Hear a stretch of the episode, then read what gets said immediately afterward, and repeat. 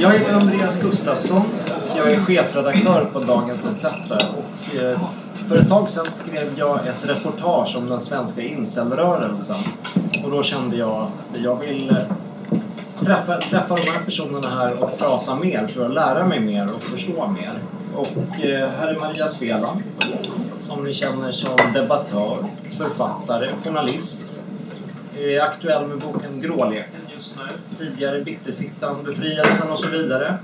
Vi har också med oss Lukas Gottsén som är intervjuad. Det var Maria i den första incelartikeln också. Men eh, Lukas eh, Gottsén är professor vid Stockholms universitet och forskar inom eh, mans och våldsfrågor.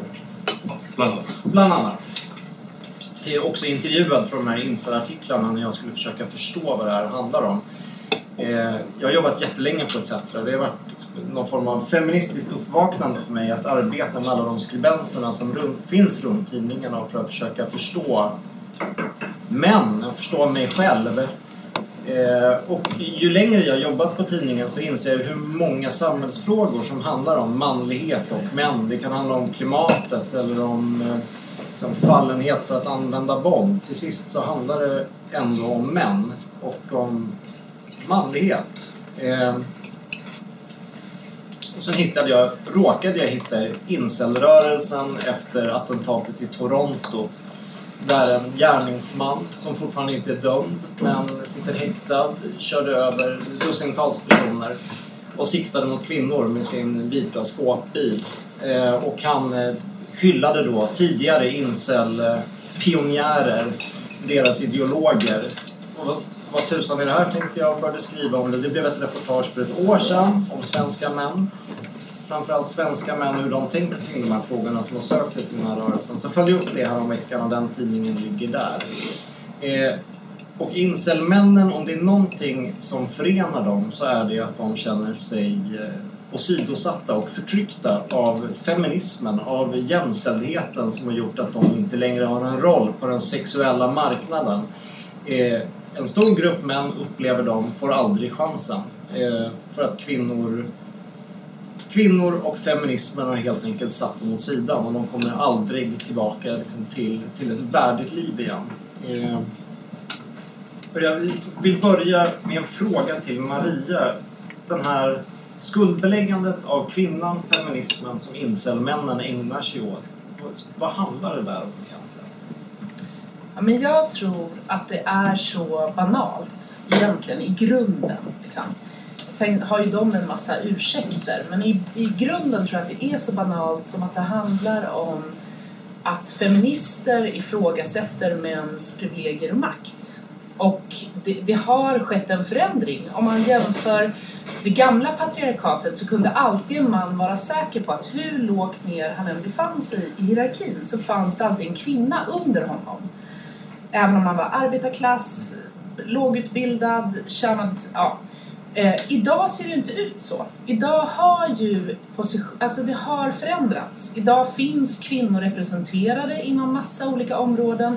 Kvinnor finns eh, på höga positioner i, i vissa fall. Kvin, vi vet också så här, om man tittar på utbildning att kvinnor klarar sig bättre i skolan. Kvinnor i vissa positioner tjänar, även om vi har en strukturell lönediskriminering där kvinnor tjänar strukturellt 4-5 tusen mindre än män så, så finns det ändå massa exempel på där kvinnor befinner sig som chefspositioner inom politiken, författare, journalister, skribenter som tar plats, som beter sig som att de får ta plats och som att det vore självklart att de får ta plats.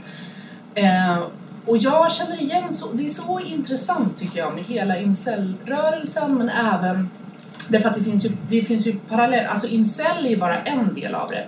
Det finns så mycket kopplingar till, till det jag känner igen från så här Per Ström och Pelle Billing, mans, eh, alltså antifeminister som var aktiva för några år sedan, som inte är så aktiva nu. Om jag tänker på liksom de under en period jag hade ganska mycket hat och hotmejl så, så är det ju exakt, alltså det går ju att transkribera, det går att lägga en blueprint på det de skrev till mig och det som till exempel finns citerat i din, dina artiklar eh, när du har intervjuat de här männen så är det ju precis samma sak, det vill säga så här det är feminister som har förstört vårt samhälle. Det är feminister som skuldbelägger oss. Men i själva verket, de kan inte förstå att feminister pratar om en så här strukturell orättvisa så känner de så här Nej men det stämmer ju inte för att du Maria Sveland, du, sitter ju, du har ju en bostadsrätt på Söder. Du, du syns ju i tv-soffor, du skriver artiklar, du skriver böcker.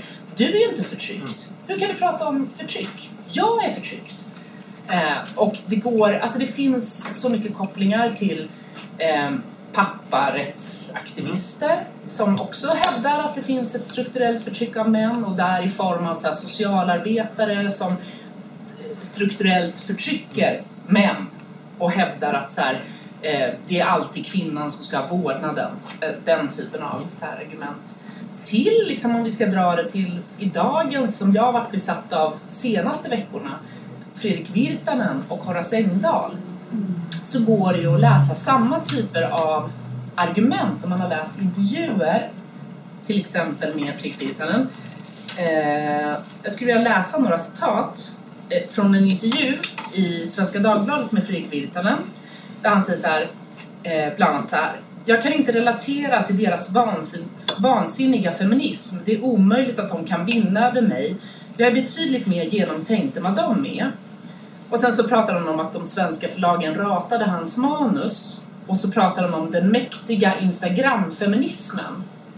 Det handlar om så här yttrandefrihet, alltså feminister inskränker Fredrik Virtanens yttrandefrihet. Det är precis samma sak som incelmännen pratar om. Eh, det är en skandal. Och så är det, och, och när man liksom då så här, Fredrik Virtanen då som har så här, gått ut med att han fick ligga väldigt mycket, alltså han har ju nästan skrytit om det. Samtidigt så är han ju en incelman, för när man börjar så skrapa och läsa liksom mellan raderna och läsa vad han verkligen skriver så pratar de om att eh, journalisten pratar om så här, det var någon, någon eh, period, eller det var någon situation där han han, satt, han ville ragga på henne och hon ratade honom. Och då säger han så här, ja, hon, han satt utanför hennes hotellrum på någon Hultsfredsfestival. Så han så här, ja, det var väl ett försök att ragga fast jag inte vågade. Man får inte glömma den aspekten. Oss osäkra pojkar som började lyssna på rock för att vi inte fick ligga. Eh, och sen så säger han så här, du satt envist kvar utanför mitt hotellrum, säger journalisten, en sen natt på Hultsfredsfestivalen. Du ville ligga med mig, du tog inte ett nej. Och så beskriver hon att hon blev ganska rädd. Och då säger Fredrik Virtanen som svar på det här Tjejer behöver mer sällan tjata. I alla fall är det min upplevelse. Det är kvinnor som är åtråvärda och bestämmer över ens bekräftelse. Det som kallas piedestaltänkandet som Ulf Lundell alltid anklagas för. Kvinnorna ser patriarkatet, de som bestämmer, men männen ser snarare att det är ni som har makten. Och det här går ju som en röd tråd genom hela incelrörelsen. Att det är så här, vad, vad, vad tjafsar ni om, ni feminister? Det är ni som har makten. Det är kvinnorna som har den sexuella makten att välja. Vi är bara, vi män, vi är bara losers. Vi vill bara ligga och ni bara ratar oss. In, Incelrörelsen är ju en del av det som ett begrepp jag lärde mig när jag skrev den första artikeln. Liksom manosfären, den här bubblan av olika mansaktivistiska rörelser. Eh, just incel tyck, tyckte Lukas i första artikeln då var en grogrund för terrorism i dess mest extrema former. Men det Maria beskriver här, synen på sexualitet och kvin, kvinna kontra man, är det ett gemensamt stråk genom den här Ja, gud ja, gud, gud ja. Det här du, du beskriver, tycker jag, dels tycker jag i Alltså det incels delvis kommer ifrån den här pick-up artist-traditionen. Eh, Neil Strauss. Ja, Neil Strauss och, och, och, The Game och sådär. Så man kan se på lite olika sätt vad, vad, vad Neil Strauss håller på med där. Och lite har jag en slags mer positiv världssyn ändå. Att, att om jag skärper mig och spelar spel så kan jag få de här kvinnorna. Men det finns ändå en form av berättigande i att jag som så kallad betaman, som man beskriver sig själv som, eh, är förlorare. Det är inte alla män som är förlorare utan det är jag som... Eh, och, eh, och så, så, men jag har ändå rätt och då, och då så kan jag hitta på lite olika spel och fixa till det. Och det jag känner igen, jag tänker själv som gammal musikjournalist i botten och, och musiker så jag känner igen den här självbilden också. Av att vara när den som står utanför Eh, och det är en drivkraft delvis i musicerandet som ligger där bakom. Så. Eller i hans fall skrivandet, tänker jag. Och det där, och jag tror också vi kan se det i olika sfärer. Liksom. Men det som är specifikt tror jag med, med samtiden är, är att vi ser liksom, den här typen av eh, kulturer liksom, eh, eh breda ut sig, framförallt online liksom, på olika sätt. I sådana här Reddit-forum som du har varit inne på, i, eh, i Flashback-trådar som eh, jag förmodar du eh, har massa kommentarer kring, så att säga. Eller där, där du figurerar också, så att säga. Och, men, men, men och inte minst inom eh, dataspelsbranschen Mm. så, så finns det här också. Så, så det finns alla möjliga och, och det är lite olika liksom, eh, artikulerat och lite olika eh, vad ska man säga, organiserat kan man säga. Eh, där du har allt ifrån enstaka påhopp eh, på enskilda kvinnor eh, och eh, hämndporr och den typen av saker till organiserade former av eh, subkultur där man antingen tycker synd om sig själva, incest har en tendens, mest har en tendens till, till renodlade attacker på kvinnor och, eh, och feminister och, rasifierade personer, men framförallt på kvinnor. Eh, så, och det där verkar ha vuxit liksom, de sista tio åren skulle jag säga. Men, men när vi pratade, pratades vid senast så frågade jag vad har hänt senaste året då inom Mm. manosfären och tankarna inom mansaktivismen och då sammanfattade du det egentligen, om jag får eh, korta ner ditt svar till polarisering. Att eh, alltså, feminism bryts mot högerpopulism. Att det är, att det är en avgörande konflikt just nu. Kan du utveckla det? Ja, precis. Jag tänker att den har funnits tidigare Ja. delvis, men- att den, den har ju blivit allt mer, i Sverige i synnerhet, blivit allt mer tydlig. Liksom så.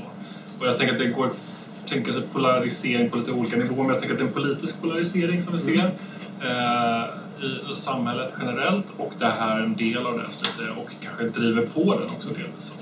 Där vi ser vissa, eh, inga namn nämnda, eh, eh, nej, debattörer som, som driver på frågan ganska hårt. Liksom, så kan man säga. Så det är väl liksom, och jag tänker att det, den typen av eh, polarisering öppnar upp för en, en och, och, och, liksom, och hatspråk och så vidare öppnar upp för möjlighet, eller blir en grogrund liksom, för andra typer av hat där de här eh, mer eller mindre kända personerna kanske inte utövar eh, grova former av våld men det möjliggör och, eh, och eh, legitimerar andra former av våld.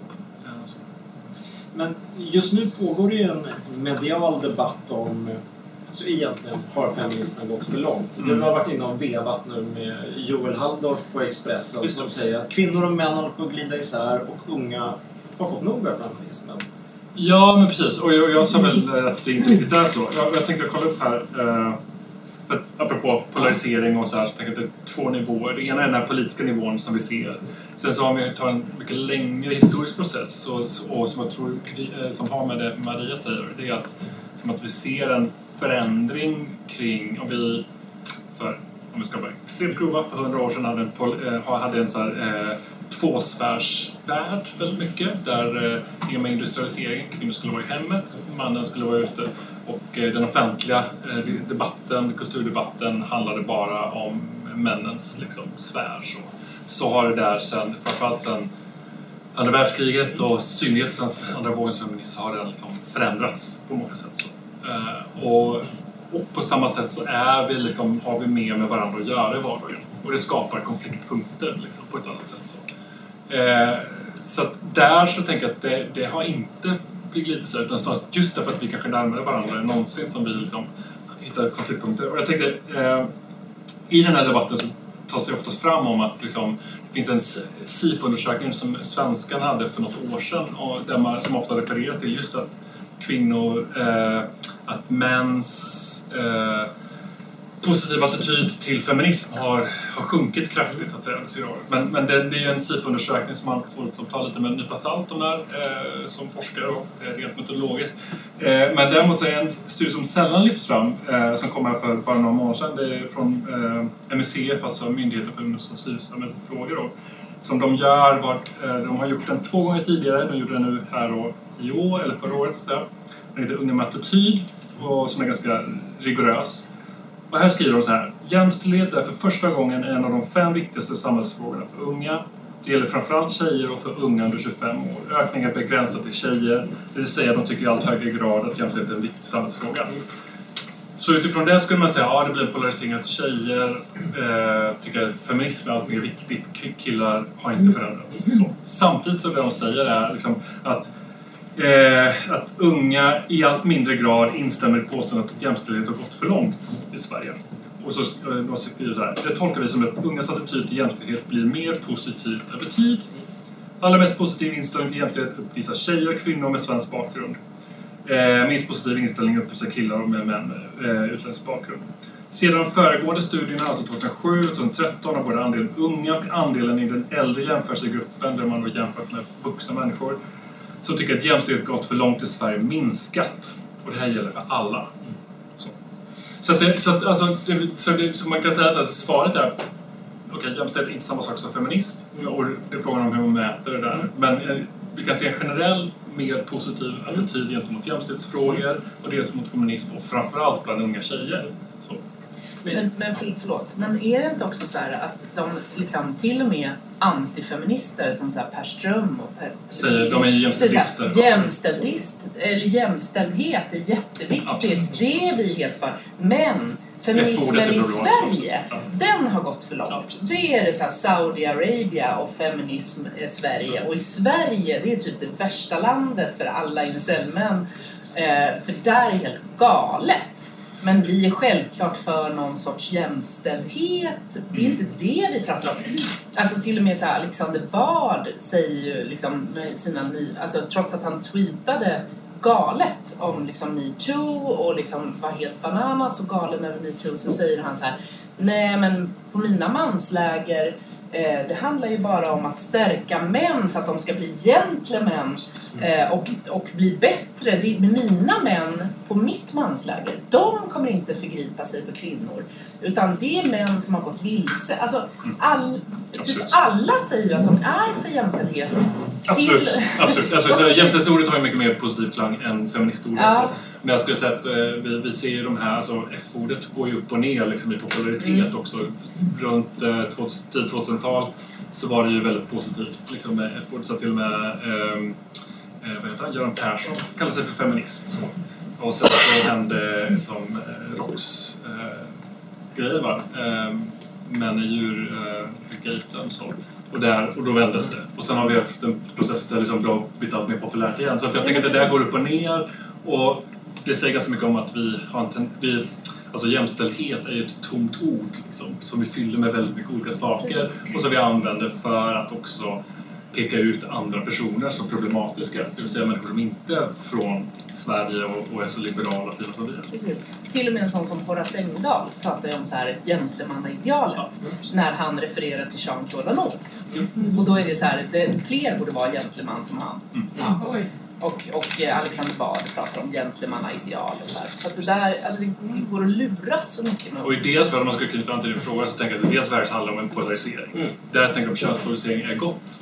Det vill säga, vi behöver riktiga kvinnor, vi behöver riktiga män och vi ska inte fucka med de här könsrollerna. De ska vara stabila. Jag ska vara en riktig man, gentleman, en snäll kille och det är först när jag blir, blir trygg i mig själv som man.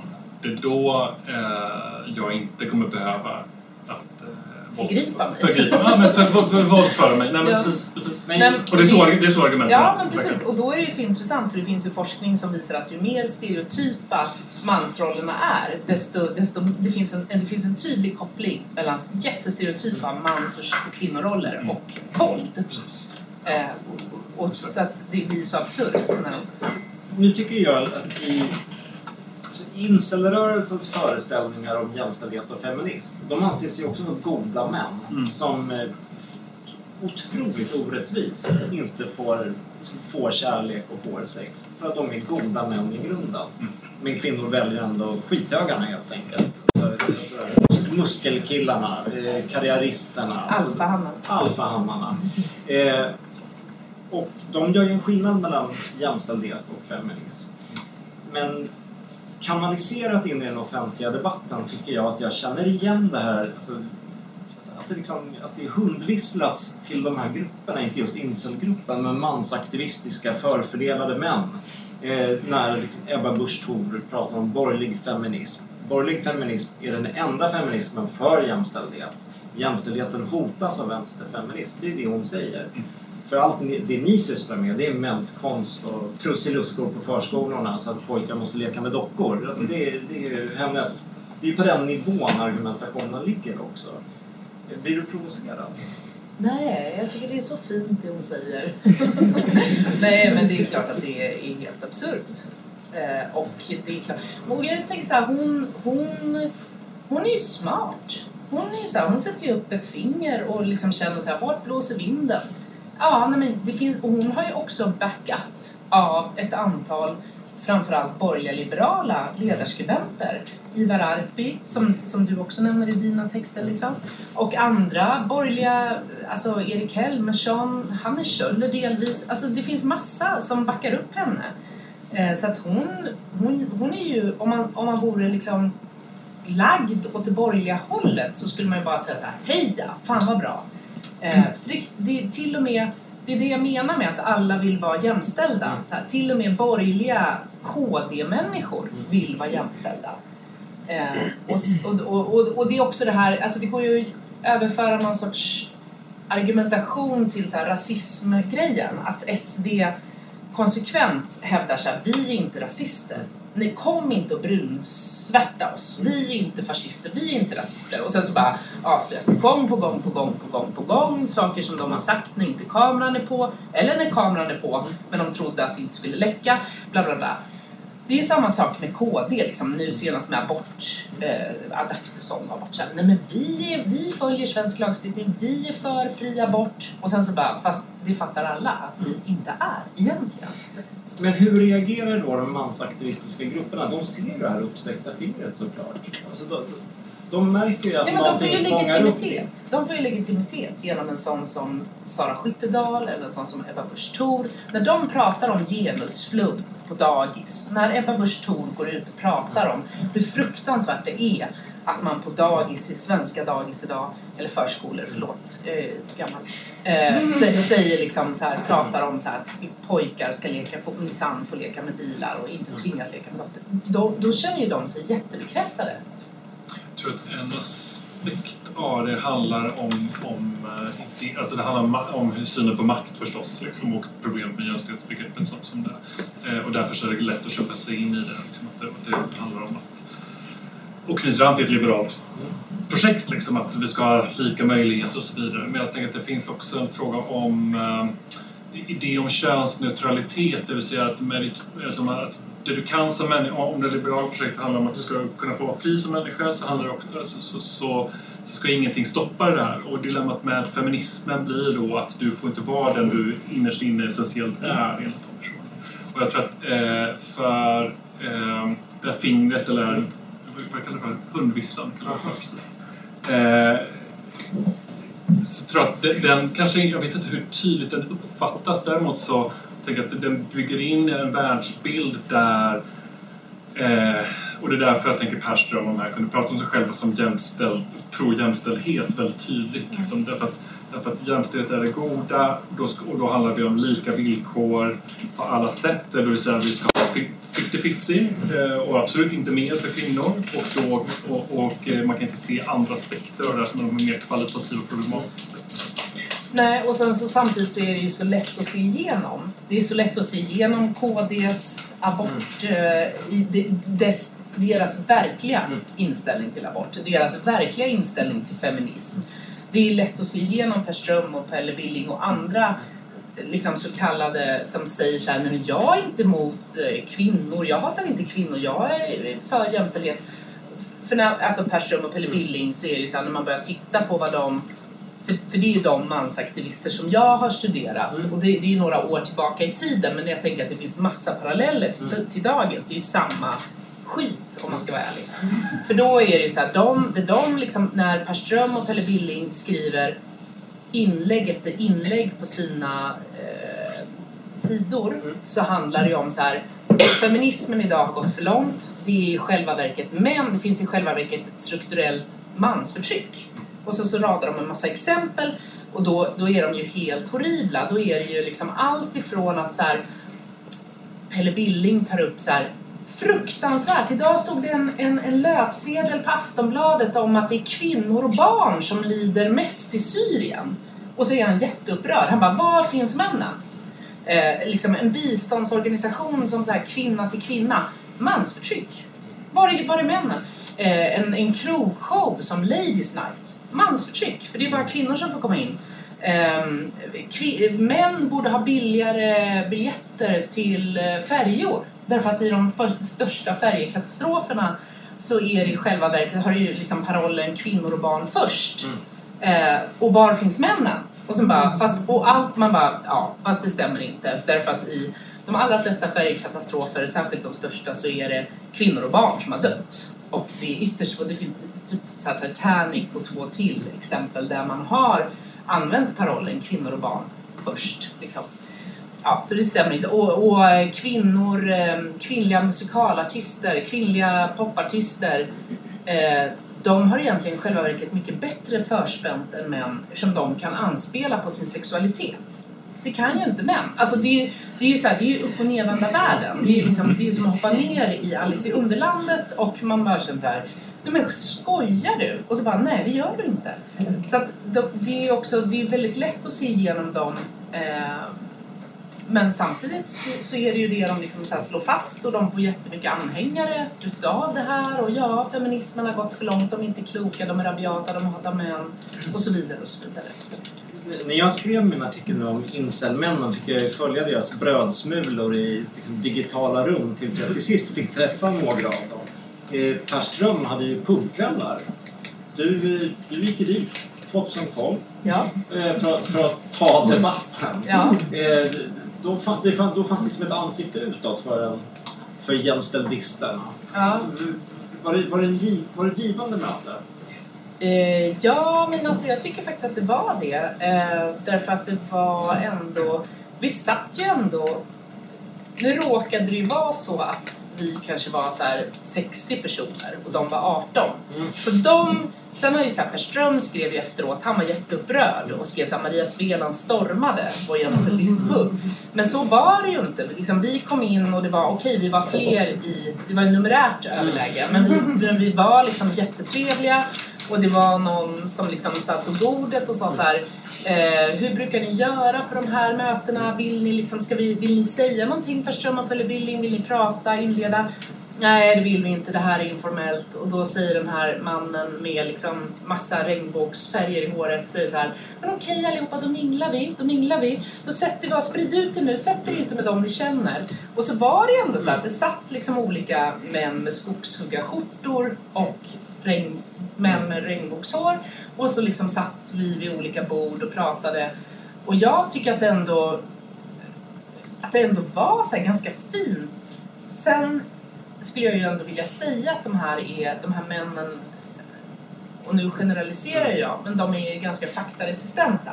Alltså om man påstår på riktigt, och vilket de ju gör, att det till exempel finns ett strukturellt kvinnoförtryck, det finns inte ett strukturellt mansförtryck. Det är i själva verket kvinnors våld mot män som är det stora samhällsproblemet, inte mäns våld mot kvinnor, vilket de säger, då tänker jag att det, det går ju inte på riktigt att möta dem. Så här. Det går, det, för det spelar ingen fakta biter inte. Liksom. Man kan komma med den och den och den och den statistiska undersökningen och de kommer ändå säga så här, nej men så är det inte.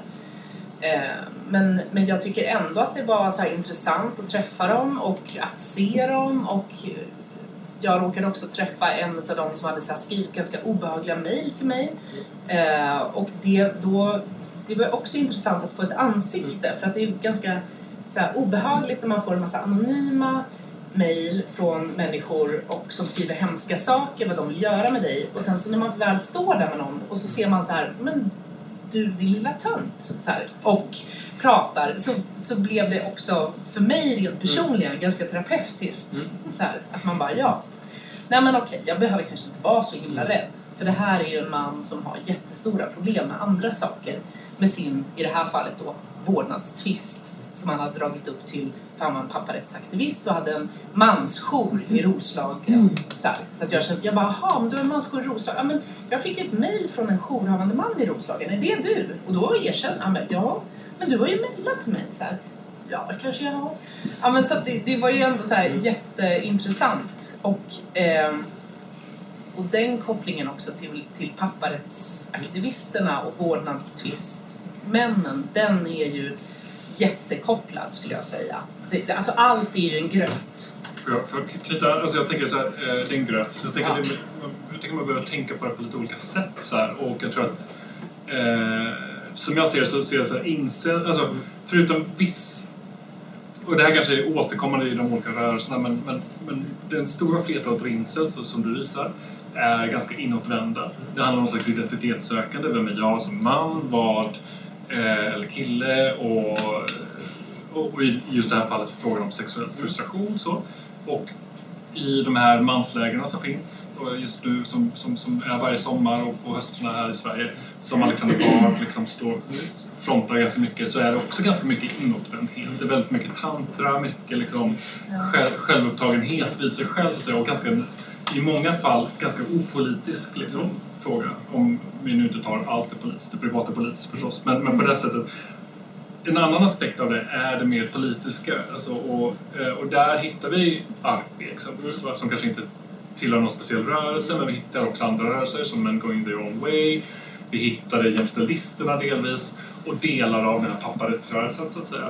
Men det är två aspekter av det så, som, som inte nödvändigtvis alltid behöver... Alltså de relaterar till varandra men de är inte samma sak. Och jag, jag, tänker, jag tänkte på för några år sedan så eh, lyssnade på en, en eh, brittisk kollega som forskat om papparättsgrupper i Storbritannien, eh, eh, Richard Collier. Eh, och han, eh, han pratar ändå om att, från ett feministiskt perspektiv, och han pratar om att vi måste börja lyssna på de här männen eh, och deras erfarenheter och ta dem på allvar. Därför att om vi inte gör det så, kan, så förstärker vi dessutom liksom, den här typen av känsla av utsatthet. För jag tänker att trots de här politiska påhoppen, att de inte lyssnar och så vidare, så har de också, många har, de, har en er, deras subjektiva erfarenhet är ju att de är förlorare någonstans.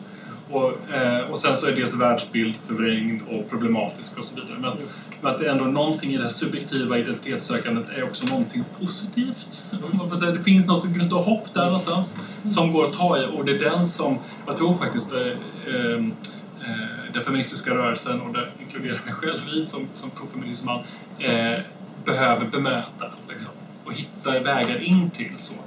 Eh, sen så den politiska är en annan aspekt som också behöver hanteras på andra sätt. Så. Fast, fast jag tyckte att när, eh, när jag studerade så här papparättsrörelsen så var det ju så mycket liksom i deras tankegångar och när man läste trådar och olika liksom, debatter som pågick så var det ju, det fanns ju precis samma grundläggande idé om mäns ägarskap av kvinnor och barn eh, som finns i incellrörelsen. Typ att så här, jag som man har rätt att ligga och varför vill du inte ligga med mig? Så här.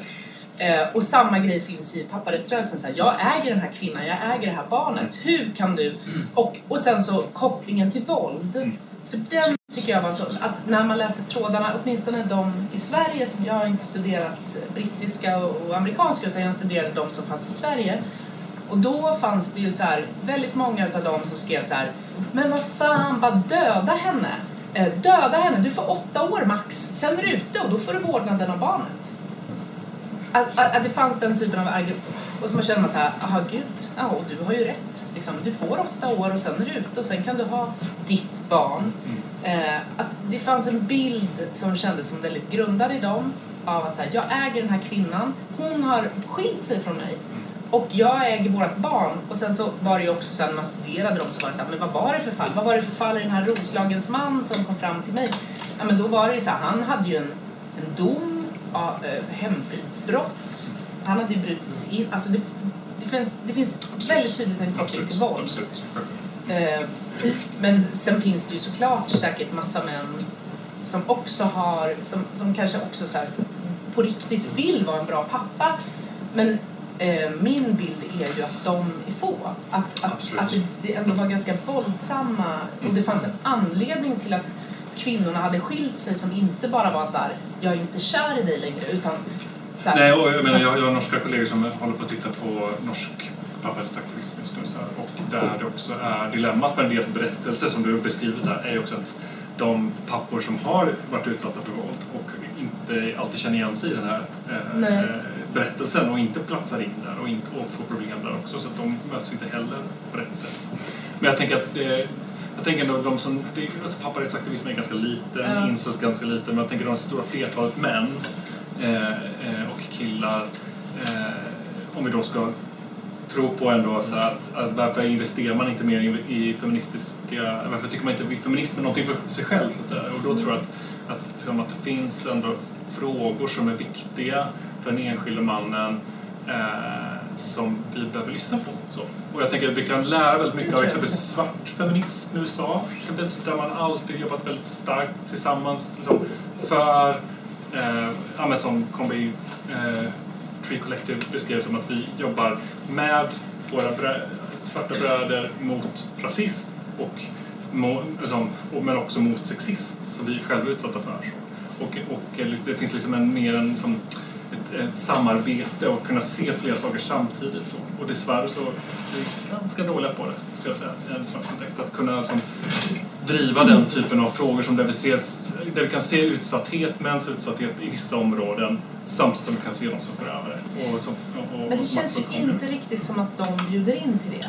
Nej, jag menar, nej, nej, de kommer Eh, de, alltså- men, de kommer aldrig gå in till men, De känns ju inte som att de är så intresserade. Papparättsaktivisterna, nej, nej, Nej, nej, nej. eller Per Ström eller Pelle Billing eller I, I andra. synnerhet inte de. Vissa papparättsaktivister tror jag kan vara det. Men, men, eh, nej, men jag tänker snarare alltså van, vanliga män liksom, som Mm. inte eh, aktiveras politiskt på det sättet. Nej, så. men för det är det här som är så intressant tycker jag med den här undersökningen som du pratade om tidigare att eh, antalet män som vill kalla sig feminister har sjunkit. Det var väl Tvärtom, det har är kvar, äh, äh, SIFO-undersökningen Ja, att det sjunkit. precis. Från 50 till Enligt 25. MSC så är det kvar. Ja, det är bara att tjejer ökar. För det var ju efter metoo.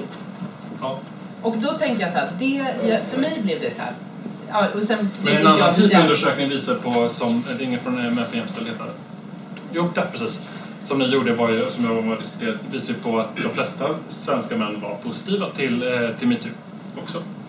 Så att jag, alltså det här, alltså, Ja, förlåt mig, SIFO-undersökningar. görs. Ja, ja, men precis. Nej, men för när jag läste om den, då tänkte jag så här, ja men det är väl självklart, efter metoo. Jättemånga män, och jag tycker man ser det, nu är inte det här statistiskt då, men om man tittar på så här, hur har debatten sett ut efter Mm. metoo? Då tycker jag ändå att det är ju väldigt många, och nu kommer jag tillbaka då till, till min lilla besatthet senaste veckorna, Fredrik Virtanen och Horace Engdahl, eh, men även Katarina Frostensson och Lena Andersson, Åsa Linderborg och alla möjliga. Eh, där, man ändå, där liksom argumentationen, narrativet har ändå varit så här metoo var förjävligt. Det har gjort eh, kvinnorna till offer eh, som man hela tiden återkommer till som någon sorts låtsats omtanke. Så här. Fruktansvärt att göra kvinnorna till offer. Eh, och sen så har man gjort det till att män inte längre vågar flörta, inte längre vågar ha en, en ta sexuell kontakt med kvinnor. Eh, vad är det mer man har sagt? Eh, Men fulla paragrafer. Ja, Ja, men det är väldigt kopplat och så, till media- press, mediekritik. pressetiska, liksom, hela den så här, absurda grejen, liksom, vilket ju är helt absurt om man tittar i proportionerna av de, jag vet inte hur många i slutändan 50, 60, 70 tusentals, eller vad det kan ha kommit upp till, vittnesmål från kvinnor eh, i, i metoo, liksom, hur, vad som hände. Och sen så, så här, vad som, hur många män är det som har förlorat jobbet? Ja, men är det tre, liksom? Två, tre, fyra? Alltså det, det är ju, proportionerna är ju galna när man pratar och sen så går man på Publicistklubben där Fredrik Virtanen får stå och där hela, där hela berättelsen skrivs om som att så här, nu är han som är offret. Fruktansvärt, som Åsa Bäckman skrev i DN. Eh, det var ju skitbra tycker jag för att det känns ju som att det bara, man har bara vänt på pannkakan nu och det är så sjukt provocerande tycker jag. Eh, så att, ja. Mm. Just det här med ansvar, ansvar, vad, finns det någon räddning för de här männen? Och nu pratar jag ju, De här.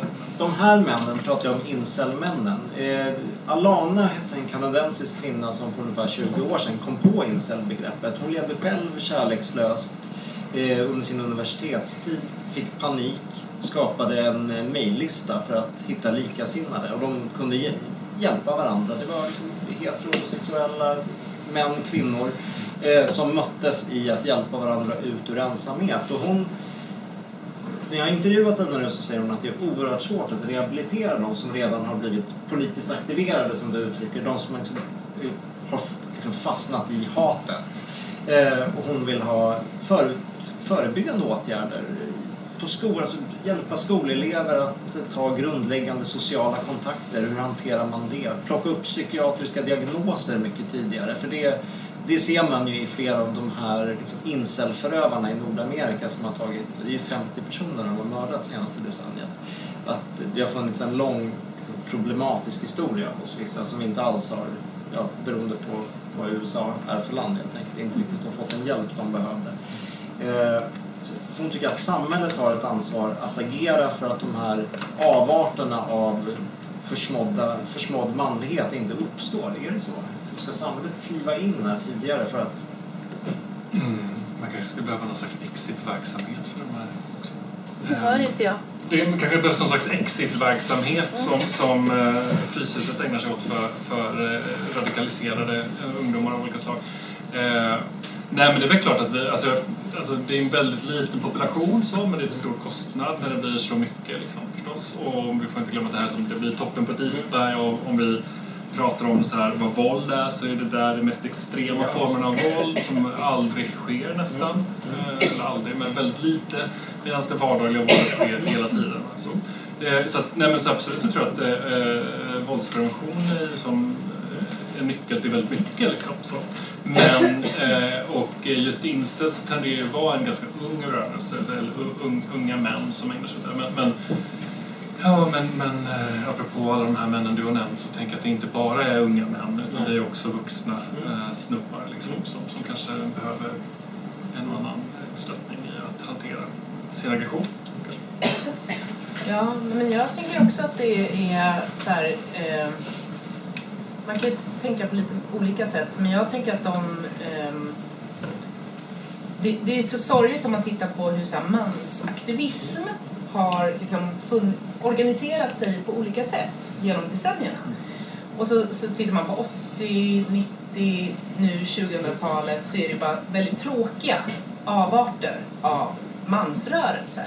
Och så kommer man tillbaka till 70-talet och befria mannen.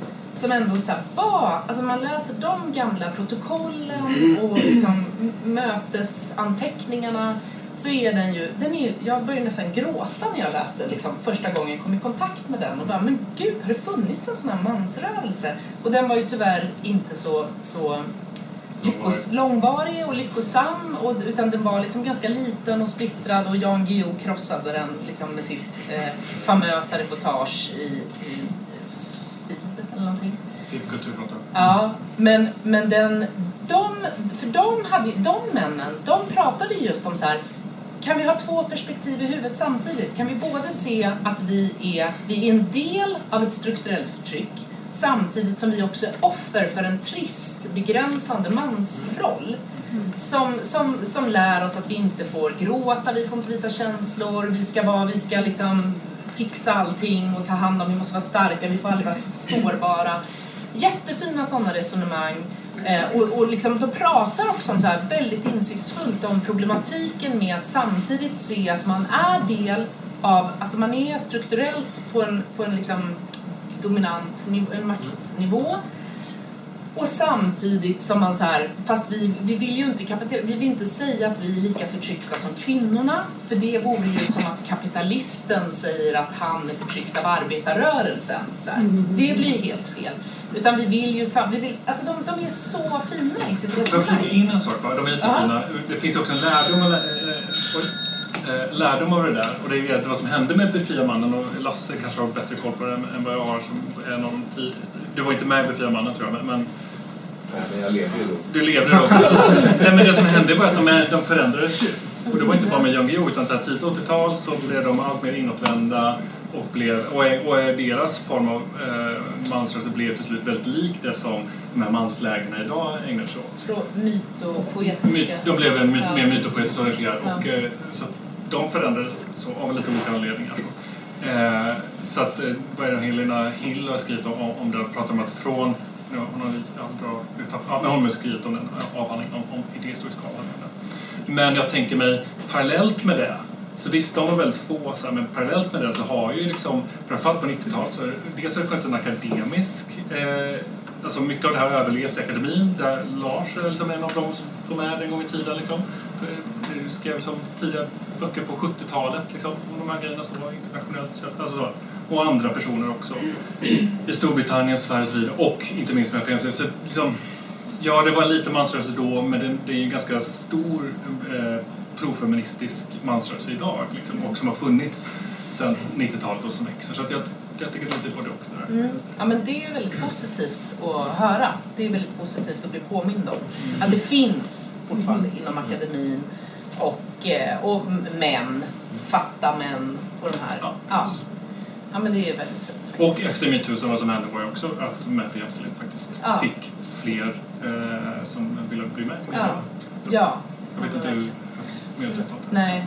Det, det, är ju, det är ju svårt att, eh, att prata om mansaktivism utan att nämna liksom nedstigandet från Jordan B. Peterson här i, i Sverige. Liksom hitlockad av sina fans. Och vi har ju nämnt Ivar Arpi här. Jag vet inte hur många gånger han har skrivit om, intervjuat eh, Jordan B. Peterson. Det är uppenbarligen att han känner ett starkt släktskap med Jordan B. Petersons idéer. Men det gör ju väldigt många unga män. Fredrik Virtanen också, vill jag bara säga. Jag, får fort, jag, jag, jag råkade skriva en text om eh, Petersons bok. Jag får fortfarande mejl. Alltså, väldigt sökande, di- diskussionsvilliga mejl. Ja. Som varför, får du läsa det här partiet? Läs om det. Så vad är det som lockar så starkt och fångar så många unga? Det är ju framförallt unga män upplever jag som, som hi- hittar någonting väldigt eh, viktigt för dem i hans, i hans bok och i hans föreläsningar på Youtube.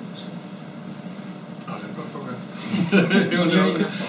Nej, jo, det finns svar på det. Men jag tycker det finns olika Jordan B. Peterson. Eh, och, det, och alla hittar lite olika svar hos honom. Det finns eh, självhjälpsgurun så, som kan ge svar på vissa saker, som ger ganska enkla svar på svåra problematiker. Eh, och sen så finns det, och sen är det förpackat i en eh, vetenskaplig prosa som, eh, eh eller som eh, mig, psykologen i rummet, att liksom det, det finns också en, liksom en totalt oproblematisk relation till sina egna utsagor helt enkelt. Och vad man säger, utan han vet ju bäst. Liksom. Han, han, eh, och det har lite med hans disciplin att göra. Eh, och sen så för det tredje så är det liksom den här väldigt tydliga liksom, konservativismen liksom, och eh, en eh, anti-identitär liksom, ideologi ser identitetsskapande som det stora problemet i, i, i världen helt enkelt. Att det är det som har skapar, liksom, skapade andra världskriget och så vidare. Och därför så, så och det han ser nu då är att feminism ska eh, äh, identifiera sig kring kön och därför så blir det ett problem. Liksom. Och framförallt så har den problem, så är den då antiessentiell och egentligen så är vi som humrar liksom, att vi borde bara omfamna hierarkierna i livet, livet är tufft och så vidare. Jag tänker det är de där tre sakerna och all, alla hittar sina egna vägar in till det där. Och det är som, det är som ett vetenskapligt mumbo jumbo om man ska vara väldigt krass. Eh, eh, så att han... Eh, ja, det går att hitta vad man vill helt enkelt. Vad hittade du? Vad hittade jag? Nej men eh, jag, tycker, jag, jag håller med om att det är så väldigt svårt att begripa för att han har inte ett entydigt budskap utan han säger väldigt mycket emot sig själv. Eh, och ena stunden så säger vissa grejer så här låter ju helt okej. Så här, skärp dig, steppa upp, bädda din säng, ät bra liksom. Ja, det är väl inget fel på det. Och sen så kommer de här antifeministiska, rent antifeministiska draporna. Man bara känner så här, men gud, du är ju asläskig. Eh, Men jag tror så här jättemycket, eh, jag tror att det är en jättestor grej som, som också så här går igen i alla de här grupperingarna som vi har pratat om ikväll är ju biologismen. Det vill säga så här, män är sådana, män är sexuella varelser med en stark sexu- sexualdrift. Eh, män vill, alltså det, det går igen i liksom fascismens ideologi, liksom där kvinnor ska, det går igen i Breivik, det är liksom i, i incelmännen, i papparättsrörelserna. Vi är biologistiska, olika varelser. Eh, vi ska ha olika uppgifter i livet. Vi eh, kom inte här med någon genusflum och försöka att göra oss till samma, för vi är olika. Och det är det som gör eh, till exempel att män blir arga när de inte får sex eh, och kvinnor ska inte ha en sexdrift eh, och kom inte här nu feminismen och säg att kvinnor kan ha en egen, ett eget sexualliv som bara är så här på samma sätt att gå ut och ta. Alltså allt det där, jag tror att det, det känns som att det är någon sån här röd tråd som går genom alla de här grupperingarna. Biologismen liksom. Ja, jag har ju en teori att eh, Petersons popularitet i Sverige delvis handlar om att män eh, som sympatiserar med hans budskap och liknande budskap hade svårt att hitta liksom intellektuella företrädare här i Sverige. Alltså jag intervjuade David Eberhardt för min första artikel och han han, han fick det nästan att låta som att eh, Peterson hade snott vissa metaforer från honom sådär. Eh, han fick, det var så han uttryckte det faktiskt. Eh, och han ville gärna ta den här rollen. Alexander Bard kan i sina mest liksom, semiseriösa stunder liksom, axla någon form av liksom, Han refererar ju väldigt mycket till olika filosofer hit och dit. Och- Precis så. Liksom, men vad. Ja. vil- vilka, för att förstå de här liksom, mansaktivismens säga, mer offentliga, liksom, mer intellektuella man, vilka är det då man ska hålla koll på? Nej, men jag skulle säga dem precis du sa. Jag skulle säga ändå, och sen så är det ju så, sen är det ju så dubbelt. Alltså när man lyssnar på David Eberhards, om det är sommarprat eller vinterprat, något utav dem. Eh, så är det ju så att han, intervju, han säger så här till sin fru, så har han ett passus där han säger så här jag har ju, jag, nu kan kan inte jag försöka härma skånska för det är jag dålig på, men han säger så här, jag har blivit beskylld för att inte vara feminist. Så nu tänker jag fråga min fru, tycker du att jag är jämställd? Eller liksom, hur har vi det i vår relation? Och hon bara, nej, jag tycker ju om när, när män håller upp dörren och när män är gentlemän och när män liksom, och du är sån och men vi är ju helt, vi, jag mår jättebra i den här relationen, det är jättehärligt. Ja men bra, då har vi, då har vi klargjort det. Och sen så, så här går det vidare. Och det tycker jag också, om jag ska vara lite elak, är ett genomgående tema för ganska många av de här att de drar jag åt en gång en middag med Jan Guillou eh, när, vi, när jag och Lo Kauppi gjorde klittradio för jättelänge sedan. Och då drack vi ganska mycket vin och så spelade vi in ett samtal. Och då pratade vi bland annat med honom om våld mot kvinnor och då tog han också så här egna, alltså den här journalisten som ändå så här vunnit stora journal, alltså verkligen så här en erkänd som inte kan, hur kan du ha problem med statistik? Så var det så här, nej men eh, enligt alla de här feministerna så, så skulle det alltså pågå våld mot kvinnor här på Östermalm, i lägenheterna här, runt omkring medan vi sitter här och pratar. Och vi bara, ja. Och han bara, nej, nej, nej, alltså utav alla män jag känner, och det är kanske är tusen stycken, så är det ju kanske en som har sagt att han har misshandlat sina, någon kvinna. Och man bara, Eh, Okej, så här. Alltså den där typen av så här, egen, att plötsligt, de kan vara forskare, de kan ha höga positioner, de kan vara journalister, de har väl inga problem annars att förstå statistik och forskning, men plötsligt så är det som att så här, den liksom, anekdotiska bevisningen står högre när det kommer till den här typen av saker. Och det tycker jag ibland att man ser. Ja, och Per Ström och Pelle Billing, det är ju det är självklart, för där är det bara tokerier liksom, totalt. Men ändå. Jag, jag tror att eh, det finns ett sidospår till det med Eberhards eh, eh, som, jag Som prat, prat. som vi ska prata sen om vi har tid över. Ja. Men eh, som svar på den frågan, jag, jag tror att det är svårt att hitta så här konkreta som identifierar sig med liksom, någon form av rörelse på det sättet. Så. Eh, eh, och då får man nog gå internationellt så, men i en svensk kontext så tänker jag att alltså, de som står för de som tenderar att vara mer intellektuella på det sättet är mer eh, av det politiska slaget, inte så mycket av det inre livet, eh, lilla liv, eh, inåtgående. Och, då, och då, jag tänker att de som är mest profilerade är, är de som blir nämnda och inte minst Arpi som kommer med en ny bok här om, om där han, där han, ja, men han, ska, han ska skjuta hårt på, på mitt forskningsfält. Ja. Där ska den komma.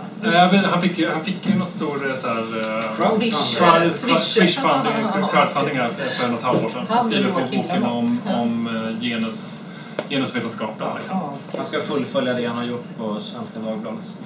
Precis. Så där har han ju ägnat sig åt eh, ganska mycket så här problematisk liksom, opinionsjournalistik kan man säga.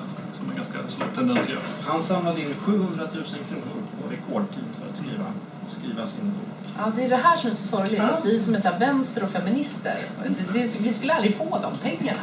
Om vi skulle, så här, Dagstidningen där publicerades, det startades med en crowdfunding. ja, det är bra. Men jag tycker att det, Alexander Bard är ju också, eh, han är ju, måste man ju ändå säga, om man ska prata om så här intellektuella förebilder, så tänk att det är det ändå som han så här går i hem, för han kan ändå referera till massa liksom, namn och, och forskare och filosofer och liksom.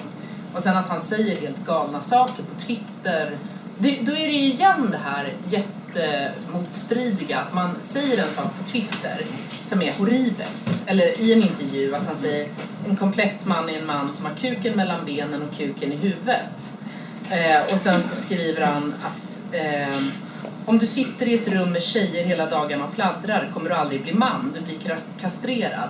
Testosteronet i din kropp kommer ut genom passiv aggressivitet och du blir en slusk mot kvinnorna. Alltså det vill säga det är kvinnornas pladder som får dig att begå övergrepp. Eh, och om din manlighet trycks ner och förnedras kommer den komma tillbaka och spränga både dig och kvinnor i ansiktet. Och sen skrev han ju massa galna saker efter metoo som var och sen när han får liksom bli ställd mot väggen och få frågor om så här, varför har du sagt de här sakerna? Då säger han så här, nej men ni kan inte, det här var ju på Twitter. Det här är liksom att jag säger saker på Twitter är ett forum, där är man provokativ, det är kul, det är humor. Jag är ute efter en gentlemanna manlighet. Eh, jag är inte ute, jag tycker kvinnor också ska vara starka. Jag tycker både män och kvinnor ska vara starka. Så det är så jäkla svårt, det är precis som med SD. De vägrar erkänna att de är rasister och sen bara, men du har ju sagt det här.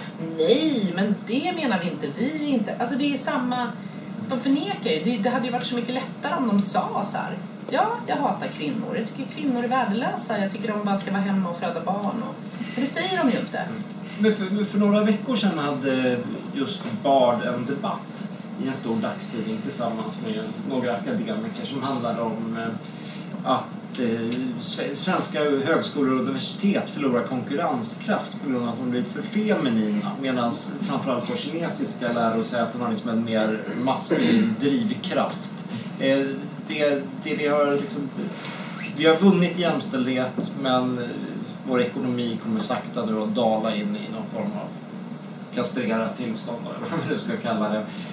Jag kanske är historielös men hade, fanns det sådana här debatter debattspel för tio år sedan? Jo, nej inte för 15 tio år sedan, men, men det finns ju återkommande en rädsla för, alltså där man kopplar ihop manlighet med nationens, Mm. liksom, eh, säger man, eh, populationens liksom, återfödelse och så vidare. Så att när man eh, ja, men återkommer, alltså det är så här, när de första så här, jag säga, eh, manskrisen började talas om på, på 1800-talet, sent 1800-tal, eller mitten till sena 1800-talet och då eh, handlade det bland annat om att, eh, och då var det industrialiseringens fel och då var det bara pojkar ehm, eh, träffade inte sina pappor Mm. utan de träffade bara mammor eh, i skolan, för då började skolan komma också. Och eh, de träffade bara guvernanter, alltså kvinnor hemma och sina mammor hemma. Eh, och de blir veklingar, liksom, helt enkelt. Och, och det här, inte minst i Storbritannien så kopplas det an där till riket liksom, och, och till behovet av Eh, det koloniala väldet och reproduktionen av det. Och vi kommer gå under om vi inte gör det. Så vad blev svaret? Jo, men då tog eh, eh han som blev då eh, scoutrörelsens grundare, Baden Powell heter han, eh, kom på idén om vi sätter ihop män eh, tillsammans med pojkar så får de ge sig ut i skogen och leka militärer så kommer de bli riktiga män. Så. Och sen så startades KFUM på samma grund. Så de här organisationerna har ju förändrats sedan dess. Men, men det, det var ett antal så säga, boys work-organisationer och som var väldigt tydligt kopplat till en idé om att vi håller på att förlora. Liksom. Så, att- så att det där finns gammalt. Så, absolut. Men mansaktivisterna, de pratar om manlighetens kris eh, och de använder ju också statistik. Alltså det, är, det är självmord, det är klarar sig sämre i skolan och så vidare. Har de någon poäng? Ja, gud ja. Alltså de har ju en poäng i att mansrollen är jätte... Mansnormen, eller vad man nu vill kalla den, att den är extremt destruktiv. Eh, och att män förlorar också. Män förlorar på den och män förlorar på sin överordning. Eh, men det vill de ju inte dra det till. Utan det sorgliga är ju att de inte vill göra den kopplingen. Utan det, de, vill ju, de lägger bara ut det på feministerna och kvinnor. det är det som, det är där det går fel. För annars så finns det ju så här, jag menar feministrörelsen har ju alltid så här pratat om destruktiv maskulinitet och eh, män borde vara pappalediga. Om det är någon som har drivit frågan om pappaledighet så är det ju feministrörelsen. Liksom. Kom tillbaka, var med era barn, kom in i familjen, var, bilda nära relationer. Det är ju feministrörelsen som har problematiserat varför män är ensamma, varför män inte har så mycket vänner, varför ofta liksom det blir flickvännen eller hustrun som är den enda som mannen pratar med. Liksom. Så det sorgliga är ju att de inte gör den kopplingen, utan det bara blir här att de inte... Dilemmat skulle jag säga, det är de utmaningen, eller så här, den, den teoretiska utmaningen eller världsåskådningsutmaningen, det är att de inte ser det som feminismen har lärt sig de sista 30-40 åren. Eh, eh, och det vill säga göra skillnad på mellan män. För när vi pratar om män så pratar vi, vi behöver prata om män som kollektiv grupp och att det handlar om maskulinitet på något sätt. Men också särskilja mellan olika grupper och olika former av, sätt att vara man på. Eh, och vi, så maskulinitetsforskare brukar prata om så här, de problem män har och de problem män gör. Liksom. Eh, och det vill säga att vi som kollektivgrupp har en tendens att skapa problem för människor runt omkring oss. Exempelvis mitt forskningsfält våld.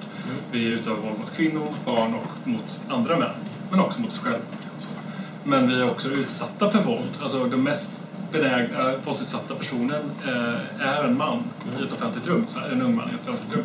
Så vi måste se de här båda sakerna och det är som att det finns ett litet problem att se de här differenserna, de här skillnaderna där.